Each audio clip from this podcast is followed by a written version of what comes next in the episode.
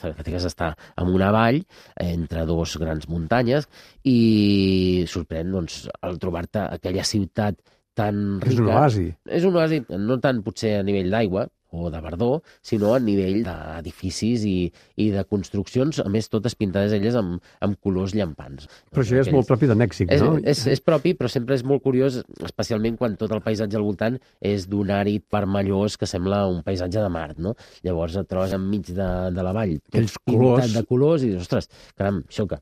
És un oasi en aquest sentit visual de colors, i potser per això també doncs, ha fet que hi sortissin uns quants artistes. Clar, no? què els hi ve als mexicans de pintar les cares de color blau, vermell, Su- groc? Suposo verd. que deu ser, a veure, al final deu ser un tema colonial perquè moltes altres ciutats del món que tenen arquitectura colonial passa això, són colors d'aquests una mica pastels, no?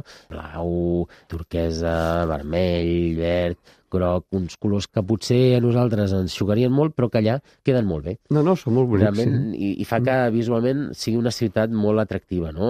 Potser és per això que la van nomenar Patrimoni de la Humanitat, també per tots els seus monuments que, com dèiem a l'últim programa, formen part al final de la gran riquesa generada eh, en aquestes ciutats per l'explotació de les mines i en part també de la població indígena com a mà d'obra esclava, que va fer que hi hagués molta gent que s'enriquís i que basés aquests diners en les construccions, sobretot religioses. No?